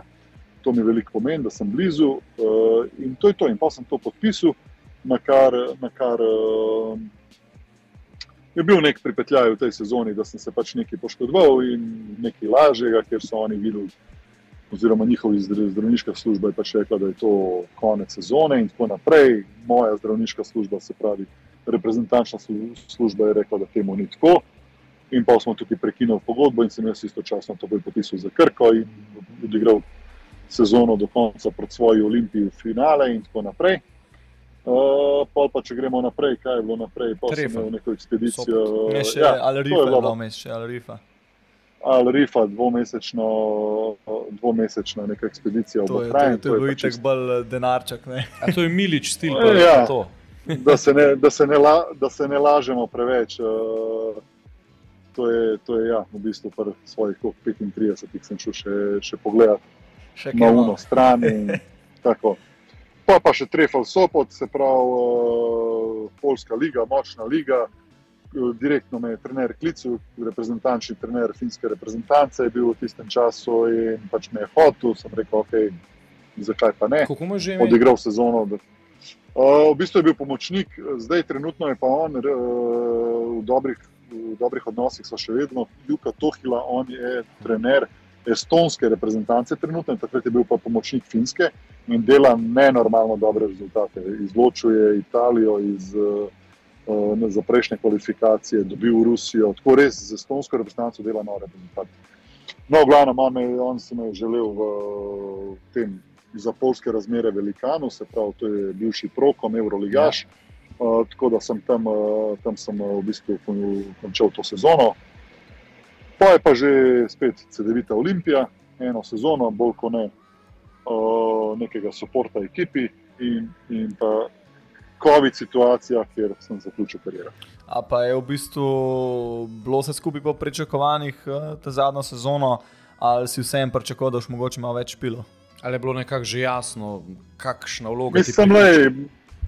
Ja, jasno je bilo, smo se pogovarjali. Mislim, le, če se ne bi, če mi ne bi oni odkrito povedali, da, da me pač radijo kot slovenca za domačo ligo, da lej, seveda pa tudi računamo na te v, v Evropi in pa Abu Leiji, ampak ne, v priori si za to tukaj za, za slovensko ligo.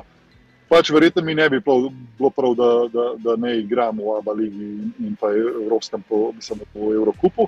Ampak glede na to, da, da pač mi je bilo to razloženo, da sem to razumel kot nek projekt, si se zavedal. Pač nisem imel, ja, nimaš pa pravice, neki, zdaj bi pa jaz moral igrati, pa ne vem kaj. Uh, to pameten sem, da se zavedam tega, ampak po drugi strani, ja, ne bom pa lagal, da je šport v športni naravi. Da, ko vidiš vsak, kako tekmo, ja, valjda, veš, vidiš kakšno tekmo, da vidiš, da recimo glih to manjka ekipi, da ne vem, recimo ne vem petka popne, šutne dve trojki, raztegne raketo in pa lahko igramo malo bolj normalno košarko, oziroma bolj pisano na kožo, uh, da bi lahko tudi pomagal, ampak da me se meni koristil, seveda ti to ni prav, ampak še enkrat, kot sem rekel, pač mi smo se nekaj zmenili in to je to. Odske, ne, zdaj pa.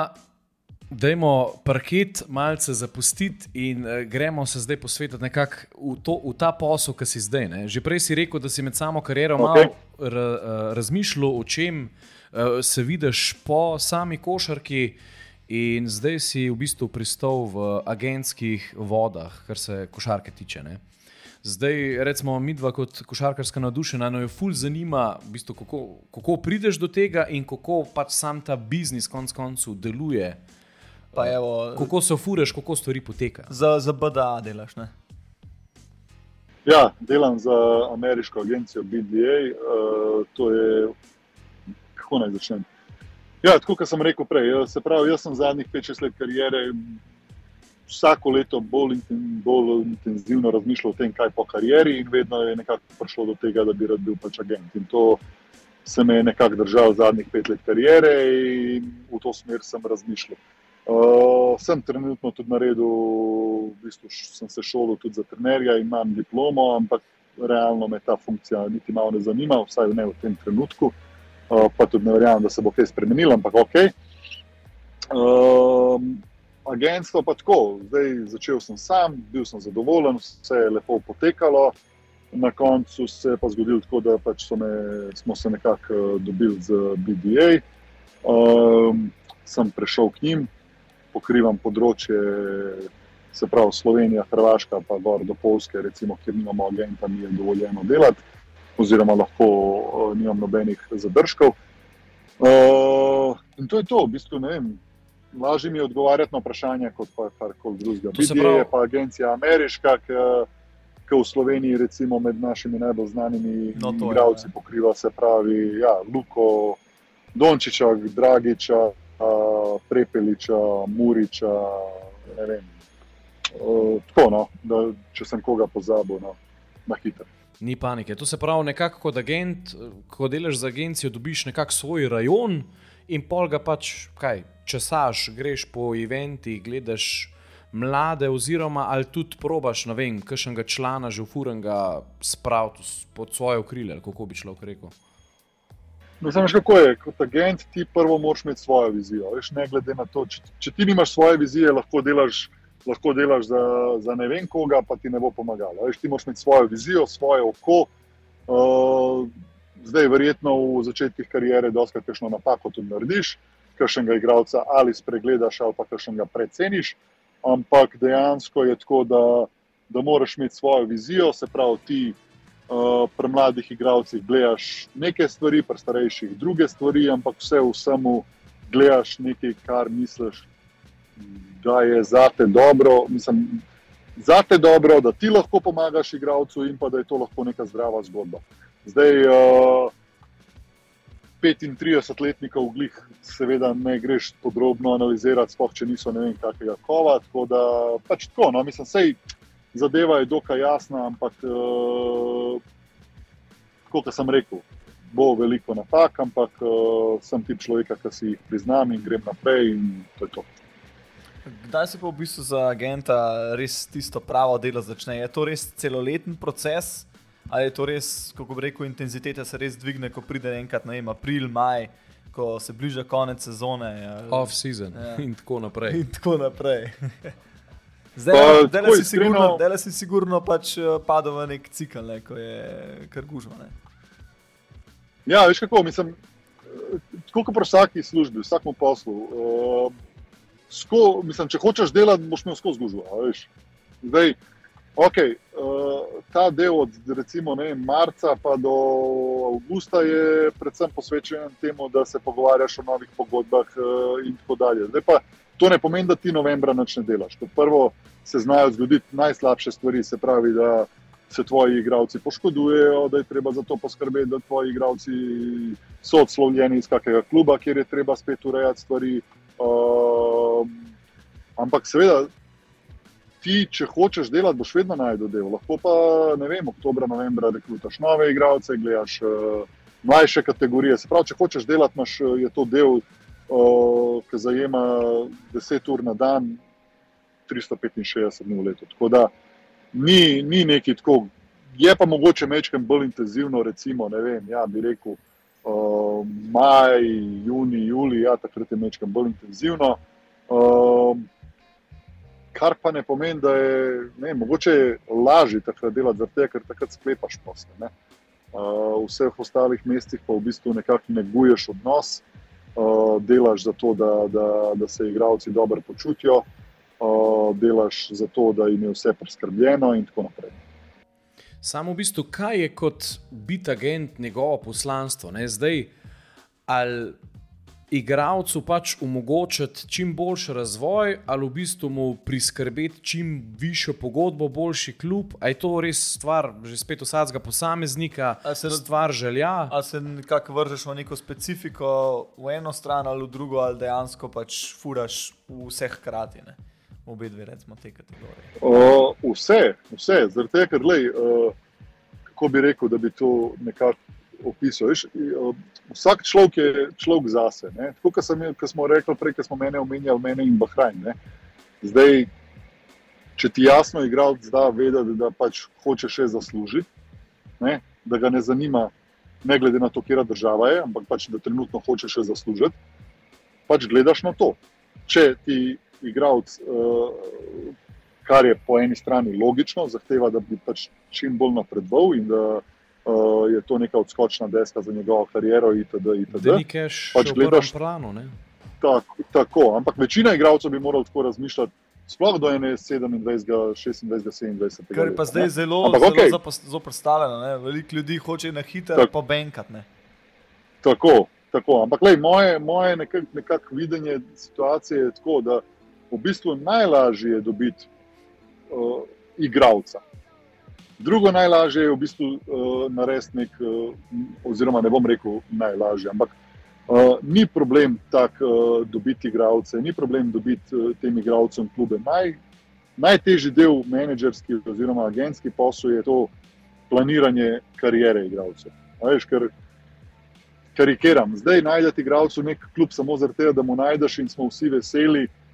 A je to, a je to res to največ, kar lahko narediš, ali treba zraven še pogledati, kdo bo trener, kakšna je ekipa, se bo znašel v tej sredini, jim odgovarja ta slog.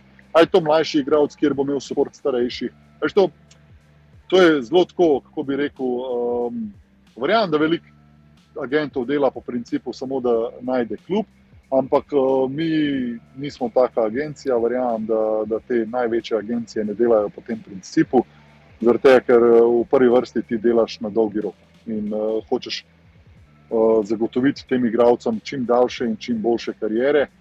To pa ponavadi, mislim, to pa v velikih primerih ne pomeni, da je trenutno najboljša finančna pogodba tudi najboljša za njegov razvoj.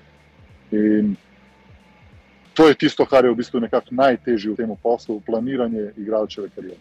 Je pa so igralci tako dovzetni, oziroma se bi se mogli konec koncev sami zavedati, pa tudi sami prvo prečekirati, če prije neka ponudba, kaj vse to v bistvu za sabo potegne. ne?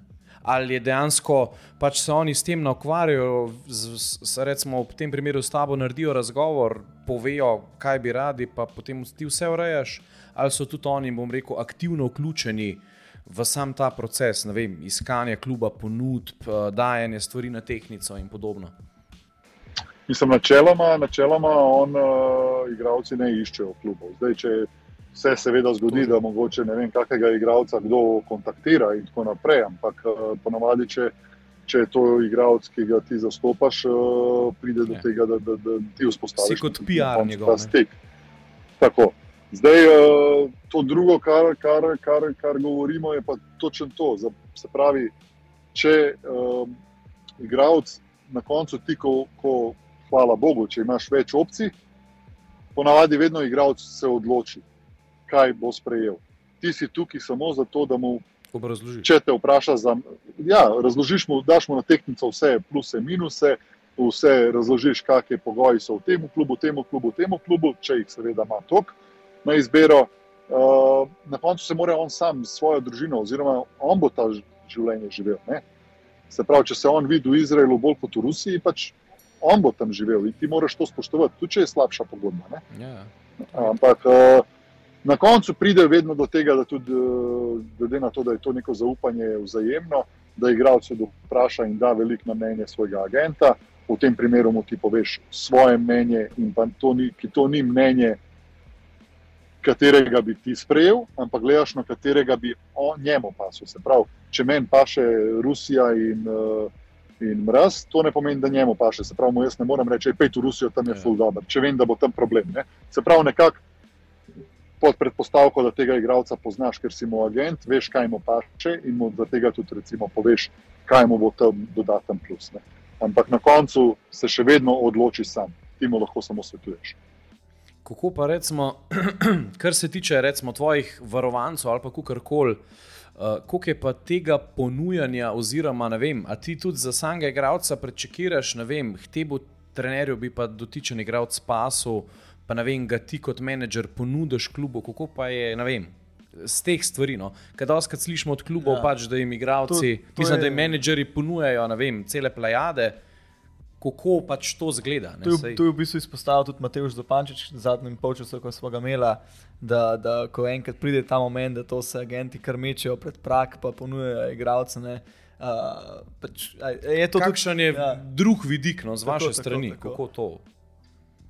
Mislim, ja, lej, kot prvo je tako, to je se pravi zaupanje vzajemno. Se pravi, jaz verjamem, da če si ti trener ne, in imamo mi dva neko dobro relacijo, da pač boš pregledal, da mi boš javil, katere tipe igralca oziroma katere pozicije iščeš. Jaz ti iz te moje agencije ponudim vse, kar imamo na tej poziciji, oziroma recimo nekako ti je jasen, kakšen budžet je. In pol pride do konkretnih pogovorov, če pride. Ne. Zdaj, veš, najhujše je, če ti reče, ne, ti kar povej, kaj imaš. Zdaj, veš, ne morem jaz z vsem respektom do ne vem, nekega slovenskega kluba ponuditi igralca, ki ga imamo mi v, recimo, ne vem, na pamet govorim, Daniel Hackett. Ja. Ne morem, ja, je ta ista pozicija, sam pač to je nedosegljivo, izgubljamo čas. A rabaš kot filtre, ne? recimo je.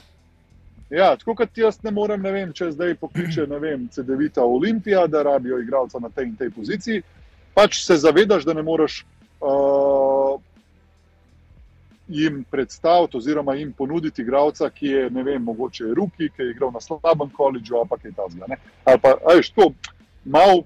To so iz- z izkušnjami dobiš, ampak tudi, tudi mislim, v končni fazi že zdrava pamet ti govori, da, da se takih stvari uh, sama zguba časa, no pa tudi mogoče izgubljaš na kredibilnosti. Tako da uh, nekako moraš vedeti, kaj, kaj v kjer klub ponuditi in to je to. To se pravi, če pa prav razumem, ti dejansko lahko ponudiš, rekel skoraj vse igralce, ki spadajo pod vašo agencijo, ne samo te, nad katerimi ti bdiš. Ja, vsi igralci so naši igralci. Zdaj, uh, če mu jaz prinesem iz svojega področja do, dovolj, dovolj kvalitetno pogodbo, katero igralec hoče, uh, bo, ne vem, o kateri bo razmišljal, ja, zakaj pa ne? Jaz v bistvu. Nas agentov je 7-8 v Evropi in še enkrat to v Ameriki. In se pravi, mi smo skozi v konstantni navezi. In seveda, če, če pripelješ ti neko po, ponudbo igralcev, na koncu prideš do tega, da vsi delamo za te igralce. Ja, ni pa več v bistvu moj, tvoj, ampak naše, kako bi rekel. Naše, ja, ampak recimo, ja, še vedno je tvoj, ker si ga ti pripeljal. No, pač, ja, je tvoj eh, podpis, ne? Tako, Konc koncev. tako, tako. tako. Ja, mislim, zanimivo to. A nam lahko karkoli, eh, kaj poveš, mislim, se kaj dogaja, vse vemo o konkretnih stvarih, eh, ne moreš, ampak zdaj, glede na to, eh, se za naslednje sezone v tem obdobju že dejansko stvari, ki odvijajo, dogajajo na splošno na trgu. Pogovori že tečejo pa to. Ja, pogovori tečejo. V bistvu čistko bom povedal. No. Zelo je, v bistvu, je kar realna slika temu. Tako, no. Uh, resne ekipe so že marca začele sestavljati ekipo za, ja. za naslednjo sezono. A Veš, uh, zdaj malo manj resne, oziroma uh, kako bi rekel, tisti, ki še sami ne vejo, ne kdo bo trener, ne kdo bo predsednik, ne kdo bo GM, in tako naprej. Pač to puščajo za konec in to so ponovadi manjše neki, manjši neki klubi, ki pa uh, sestavljajo ekipo bolj junija, julija in tako naprej. In Od, odpadke Da ne pobirajo že skoraj da res. Ne? vsak ima, ja, ampak po drugi strani mogoče pa zaradi tega dobiti se nekakšnega igralca, ki bi bil zdaj le Ja, dražji. a ne, naprimer, Jogi Farel v našem začel. primeru, ne, če tako gledaš. Ne? Pač res, da to se ne gre Ja, ja, niso- za, za pač poletje, ampak za tako. a ne. Zagotovo cena avgusta ne bila ista, kot pa je bila decembra predvidevamo. Ne. Tako nekako. Ja, ja točno to, točno to. Se pravi, moraš biti tudi malo, eh, kako bi rekel, pameten v takih situacijah, ampak eh, še vedno se pa lahko ti tudi marca, aprila eh, o teh stvareh pogovarjaš, maja. Um, v glavnem, v glavnem sej, določeni ljudje v vsakem klubu obstajajo, ki se za take stvari um, urejajo. Tako da na večjem nivoju je to lažja komunikacija, na manjšem nekaj manj, ampak še vedno na koncu pride do tega, da, da se dela vzajemno. Pa dejansko igravci lahko podpišejo, bom rekel, vse uradno itak ni nikjer odzunaj, ampak pred pogodbo, oziroma ne vem, da nekomu, ki se letos, recimo, pogodba izteče, da že del aprila podpiše za drugi klub za naslednjo sezono. no. Se to dogaja, ali more se pogodba lahko podpisuje točno takrat, ko mu tisti moment s klubom pač se Preteče. končajo. Ne, načeloma lahko, Sej predvsem v nogometu vidimo te stvari, ne? Ker se že Ja, na začetku sezone ve, da bo naslednjo sezono igral pa v drugem klubu. ne. Uh, tako da pač to se da. Ne? Nikle nobenih Ja, umitev. vse. Kaj pa potem, recimo, tebi kot agentu, ne? zdaj, če gledamo malo navijaški, navijaško perspektivo, uh, nekateri klubi zelo skrivajo svoje namene, uh, nekateri, recimo, tudi čakajo z objavami vse skupaj. Ne? Mi dva, kot rekel, košarkarska navdušenca, probava tudi. Uh, Kakšne stvari iz uh, ven zbazati iz medijev, oziroma iz uh, Kuluarjev. koloarjev, predvsem s tem namenom, da pač nahajpava konec koncev navijače in zakaj v bistvu do tega prihaja, uh, da nekateri stvari objavijo takoj, ko je le možno, nekateri namensko čakajo. Kakšen je pogled uh, kot tebe, kot menedžerja, pa te fake pumpanje, pa to. No? Fake je dejansko, ja. Fake. ja. Ja, tudi. Moja, moje stališče glede tega je, da jaz v tem primeru vedno spoštujem klub. Zaradi tega, ker tudi oni imajo verjetno neko PR službo in zakaj bi oni radi objavljali točno na določen datum, oziroma uh, tako naprej. To je spoštovanja vredno, tvoje, tvoj, tvoj posel je s podpisom opravljen. Zdaj, če klub želi, da se to objavi šele čez en teden iz določenih razlogov, jaz to vedno spoštujem. Uh, vem, spet bom slikovit. No. Zakaj nekateri rečejo že po treh tednih, da, da so v pričakovanju otroka, nekateri pa čakajo do šestega meseca. Pač ne veš, ne. Vsak, ima svoj, vsak ima svoj razlog. Ne. In zdaj, če kakšen klub hoče, uh, ponovadi klubi hočejo vedno prvi objaviti uh, novico, da so podpisali tega in tega igralca, a pa tega in tega trenerja in tako naprej. In jaz kot agent ne vidim nobene, nobenega problema v tem, tega, sploh pa zaradi tega, ker jaz nisem tip človeka, da bi hotel breaking news, da bi vem, na mojem Twitterju prvič se to videl. To me pač nekaj ne zanima. Uh, moje je, da delam ta posel, ne pa da sem neki influencer. Pač jaz s tem nimam problema. E, Dobro si to To povedal. točno tako. Ja. Ampak recimo, a se ti, glede na tvoj poklic, sploh lahko še kdaj, ne vem, daš vlogo navijača, enega uživača košarke, pa da daš vse te profesionalnosti na stran, pa ne vem, imaš svoje pričakovanje, si želiš karkoli. Ali moš tudi javno pač dejansko vse to, da je profi fura. Mislim, veš kako, jaz sem že tako tip človeka, ki sem bolj tako, ne boš mene videl na tekmi skakati in tako naprej. Ne? Pač tak tip človeka sem zdaj, da bi se spremenil pri svojih 40. Mislim, da ni pametno, niti mi ne pride v, v, v, v, v poštev tako. Ampak ja, glik zanč me je recimo žena na tekmi z Burso, se mi zdi. Uh, tako rukalna, češ, kao, zakaj ti nič ne navijaš? Ne? Veš zakaj? Tega, ker isto število igralcev, mislim, iz naše agencije je isto število igralcev v tisti ekipi kot v tej. Mislim, veš, malo nehigienično izpade. ja, še vedno navijam za Olimpijo v tem primeru, ne? ampak, veš, Ne smeš No, pokazati. je tako. No, pač, ja, mislim, pa ne, da ne smeš pokazati. Sej, sej imaš tudi agente, ki zelo navijajo za kakšne ekipe. Ne, jaz ne vidim niti v tem problema. Ne, ampak ja, obstajajo pa ne vem, že tako nisem tip človeka, ki bi nekaj zelo na ven dajal. Um, ja, gledam tekmo. V bistvu, bolj bi rekel temu, tako, da jaz gledam tekmo z drugačnimi očmi, kot sem jo, kot, ko, ko sem igral, ali pa takoj po karieri kot nek navijač pač gledam tekmo z drugačnega stališča, gledam tekmo, da vem, lahko pa svojemu igralcu takoj tudi povem, kaj mislim, da bi lahko bolj delal, oziroma s čim je noro impresioniral, ali pa kar koli. In pač gledam, tako kot sodniki, ne gledajo več košarke, uh, da jim zdaj navijati. Še vedno bo on en uč vrgel, čakaj, zakaj pa je to pisko. A, a, a me razumeš? Ne? Itak, ja. In pač to, je, to pač tako je, lepo, poklicno. de- Deformacija. Informacija. Tako, tako, tako. Ja, kaj ne rečem, mislim, dejansko ja. Er, Predvsem sva rabila, ker si kot eh, prvi agent, eh, ki ja. ga gostiva, pač ta vaš perspektivo, vaš eh, pogled na delo košarko, ki pač, me rekel, tudi ni vsakdanji. Pa tudi ni toliko govora o tem, razen tega, kot agent, pač agencija je neko pogodbo zrihtala in, in te stvari. ne. Tako da je tudi ta pogled v, v tvoj zdajšnjem poslu, čist nekaj novega, po mojem, za veliko poslušalcev našega podcasta, nasploh in tudi navijačev. No. In tudi konec koncev nama je veliko stvari bilo popolnoma novih. Ne. Ja. Tako ja, no. Veš kaj, uh, agentov in agencij se še verjetno iz 90-ih oziroma za začetkov 2000 drži kar neko, neko, neko Ker nekdo reče, da je košarkarski agent, je kar nek tak Kao na, komok na, zvok, je ne, nekak- na, na, na negativen. tegunstvo, na tegunstvo. Ne. Ja, ja, ta, ta neki prodaja. Ta, ampak dejansko ti v bistvu delaš za nekoga posel. Ne? In uh, mislim, v velikih primerih ti za obe strani delaš posel. Pro, prokurist. V veliki večini. Tako, tako. Okay, sej seveda moraš biti nagrajen za to in tako naprej. Ampak uh, ni več temu tako. No, da, da, mislim, oziroma, sploh ne vem, če je kdaj bilo, uh, da je agent pomeni, da je to neko pravijo nujno zlo. Ni nujno zlo. Pač to je igravci. Pač mislim, ne vem, kako bi rekel. Zdaj, če, To če, je še ena če stopna profesionalnosti več, ali kako bi rekel. Tako, če pa se pravi, če jaz hočem biti zaščiten, pač vem, da to rabim. In pač vem, bom imel, ščitil me bo pa nekdo, ki mu jaz zaupam. In to je to, end of story. Se pravi, uh, rabim človeka, ki mu zaupam, da vem, da, da ima moj hrbet in to je to. Se pravi, jaz nikoli nisem sam v tem. Ne?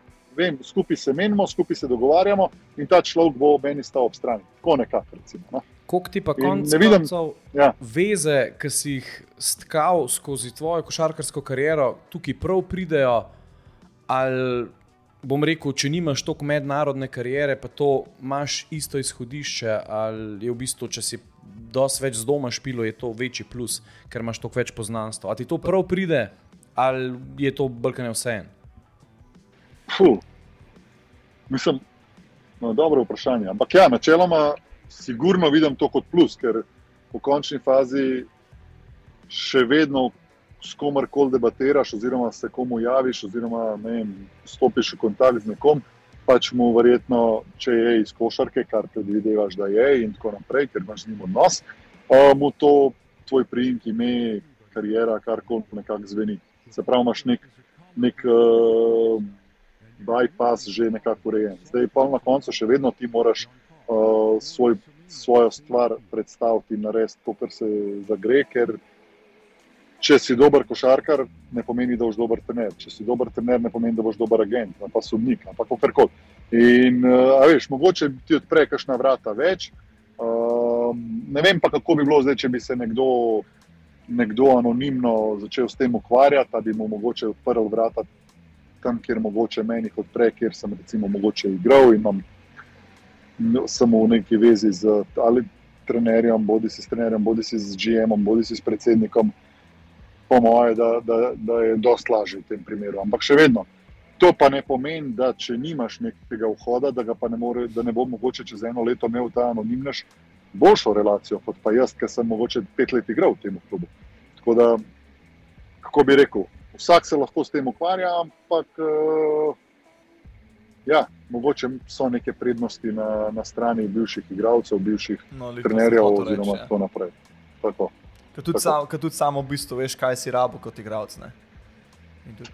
Ja, lažje mi je, lažje mi je razumeti igralca, lažje je igralcu razumeti, kaj mu ti govoriš, tega, ker mu govoriš iz nekih izkušenj. Se pravi, če jaz nisem nikoli igral košarke, jaz ti ne morem reči, da je tukaj pa slabo postavljaš blok in tako naprej, ker Ja. A veš, Itak, ja. to pač je normalno. Ja. Um, zdaj, po drugi strani pa isto tako, da razumem, kaj pomeni, da če igralec izgubi tekmo, uh, v, kak, v kakšnem stanju je trenutno, uh, kaj rabi, kako se pogovarjati z njim, da ko je euforija, da mu porežeš krila, da je tako naprej. Pač vse to so neki oprijemi, ki, ti, ki jih imaš mogoče uh, lažje z njimi manevriraš, ravno zaradi tega, ker si ti to vse že dal ničkoliko krat spostno.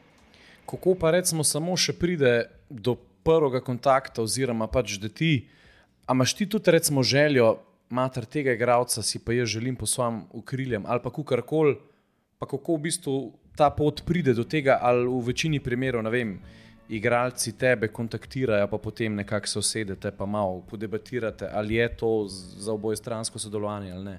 Kako pa ta, prva, ta prvi stik, kako to, vem, zgleda. pride, ne. veš kako, lej, tako je. Ponavadi je tako, da če ti nekdo res fejs pade v oči, se malo več o njemu pozanimaš in tako naprej, potem pač Potipaš v teren. primeru, da tako potipaš teren in to je to. In pol, če se ti odprejo vrata, oziroma če ti igralec pove, da je zainteresiran, se pogovarjaš naprej. Ker ni nujno, da če je igralec zainteresiran, da, da, da, da, da, je, da tudi agent mora biti. Ne? Veš, lahko, lahko se zgodi, da je te pa zelo všeč na igrišču, ampak nekako neke kemije med vama ni, potem, ki se ne mogoče dvakrat z njim slišiš, pogovoriš karkoli. In uh, oboje stransko to more biti. Ampak ja, ponovadi, ponovadi zdaj pri mlajših igralcih seveda kontaktiraš uh, starše ali oni tebe in tako naprej. Uh, tako da načeloma, načeloma to od primera do primera različno. No. Nekoga pa ne vem, pač samo ne vem, srečaš nekje, ga govoriš, govorijo o tebe. Uh, Doskrat se zgodi, da se preko soigravcev javijo, da bi, rabijo, da bi ta, pa ta moj soigravc rabo pa pač malo mečkam pomoči, pa bi bil pripravljen in tako naprej. In tako naprej. No, v glavnem, velike teh eh, možnosti, da pride do kontakta. Kje pa tista, rekel, kje se pa vse to začne? Ali so to zdaj že pri 16-17 agentih zraven, ali je kle nek pravilo še, ali je to že spet res odvisno od primera do primera? Kje pa ta spodnja meja, na no, koncu konca? Škaj, vse to je najbolj žalostno, ker neke spodnje meje ni več, eh, ne, ne, ne pisane, ne pisane. Uh, tako je. No, jaz, recimo, ko sem začel se s tem ukvarjati samostojno, uh, res nisem hotel imeti opravka z, z, z mladoletniki. Um, pa ne, da vam kaj proti, pa tako naprej, ampak nekako se mi ne zdi etično, kako bi rekel, se mi ni zdelo etično. Ampak zdaj, dlje, ko sem v tem, vidiš, da, da pač fanti pri 16-17 imajo že agente, bodi si velike agencijske hiše, bodi si uh, posameznike in pol vidiš, da v bistvu, če ti ne boš delal po tem principu, Uh, če res misliš čakati 18-letnike, boš dobil to, kar boš dobil. Ne? In to je to. Zdaj, uh, mi kot agencija smo zelo tudi znani, pa ravno s tem delom mladih, se pravi, da, da ne vem, od Rašota, Jakata, Lakoviča, Smodiša, Gorana Dragiča, Luke, da so to vse karijere v rokah te naše zdajšnje agencije od začetka do konca. In to pomeni, da so že začeli z, z igravci, ki so bili zelo mladi. Pač tega se poslužujem zdaj tudi jaz. In, in, in, in, in ja, ampak nisem eden od njih, ki bi si rad na to vrnil, zdaj pa celo Slovenijo in tako naprej. Pač nekako malo tudi zberam. Nikomajo smo se prej, ne balansi. Ne, kot smo se prej Ja, kot smo se prej pogovarjali, kje bom, kje bom sigurno še kiksu, kje bom zadev, kje bom koga spregledal, vse to je normalno in z izkušnjami boš recimo uh, uh, teh napak delal manj. Ampak definitivno pa, ja, kot sem tudi sam prej rekel, uh, ko gledaš te igralce, tisto, kar tebe zanima, gledaš neke specifične stvari, uh, tisto, kar ti misliš, da, da je trenutno. Eh, na tržišču zelo pomembno in, in, in k temu strmiš. Tako da ne pomeni, da če si vem, v mladinskih eh, kategorijah daješ 30 točk, da, da si še vedno mogoče ne vem, Euroliga nivo. To ni, ni, ni pravilo. No? A pa da če recimo pri mladincih ne igraš, da pa nimaš možnosti uspeti v košarki. Tega pravila ni. In to je tisto, kar recimo moraš ti kot agent. Zato da ti ne uide izpod očesa. Koliko pa imaš trenutno vrvancev pod sabo? Zdaj, kot agencija, jih imamo z ja, vem, 40 v NBA, pa, pa še v Evropi, ne vem, kako število. Uh, bi moral, moral pogledati. Ampak, ja, Kaj pa ti, recimo, bolj aktivno? Uh, mojih, mojih igralcev je trenutno devet, uh, ampak kot sem rekel, to, da je moj igralec, ne pomeni, da je samo moj. Ja, je prav tako od Španca, pa od Nemca, pa od Italijana, pa Rusa in tako naprej. Vsi skrbimo za njegovo kariero. Um, ja, jaz sem pa ta, ki sem ga pripeljal v, v, v, v agencijo, ker sem verjel v njega, ostalim pa vsi pomagamo. No. Lepo počasi zakruzamo v, v končnico. Evo, Saša, ti pa preden se ti še zahvalva, bo da letilc sam eh, robota spustil in vse ja, skupaj. Ponovno. To, to je že kar klasika, veš, povem social media, pa to. No. Tako da je social media, ad podcast, blokada, Instagram, Twitter, Facebook. Uh, poslušate nas pa lahko praktično na vseh podcasting platformah, vse kar je na cache, se mi da heca, uh, Apple podcast, Google podcast, Spotify, pač res vse posod pa pejte počakirati našo spletno stran, podcast.com. Uh, naše epizode so tudi vse tam objavljene, imamo tudi bloge tam. Um, tako da res najdete lahko vse, kar se tiče CD-vite Olimpije. Ja, ne pozabite Um, tudi in na tudi- slovenski košarkarski forum. je, in tudi nasploh uh, slovenske košarke. In tukaj smo zdaj letos tudi otvorili forum.podcast.com, kjer se odvijajo res kvalitetne debate. Um, tako da, Jano, vabljeni vsi. Zahvaljujem se tudi pivovarni Ljubljana za sponzorstvo in pa uh, Digital Life Slovenija za prostorsko sponzorstvo. Za prostorsko sponzorstvo. Ja. Mislim, to je tega kar veliko zapovedati. No. Tako da Ja. že kar vmes malo pozdravljaš. Ampak, Jano, Hvala Bogu, eh, drugač pa, če, kul cool delava, stisnite še donate button. Ja, to je pač za konec. Ja. Kačing, denar. Tako da, uh, Ja. Saša, upam, da ti je bilo kulno, cool, nek tak sproščen pogovor. Tudi mi, da so vesela, da smo pač uh, slišali tvoje stvari, ki so se zgodile skozi karijere, tvojo perspektivo. Pa, tako fajno mobilno pisarno imaš, vidim. Evo, to je to, to je to. Hvala vama za povabilo, fajn je bilo, še naprej dobro delite. Upam, da, da, boste imeli, da boste imeli dobre goste. Upam, da sem bil tudi jaz na, na nekem dokaj zavidljivem uh, uh, nivoju in to je to, srečno. No? Definitivno. Hvala lepa, Čau. se slišmo. Ajde. Čau, čau.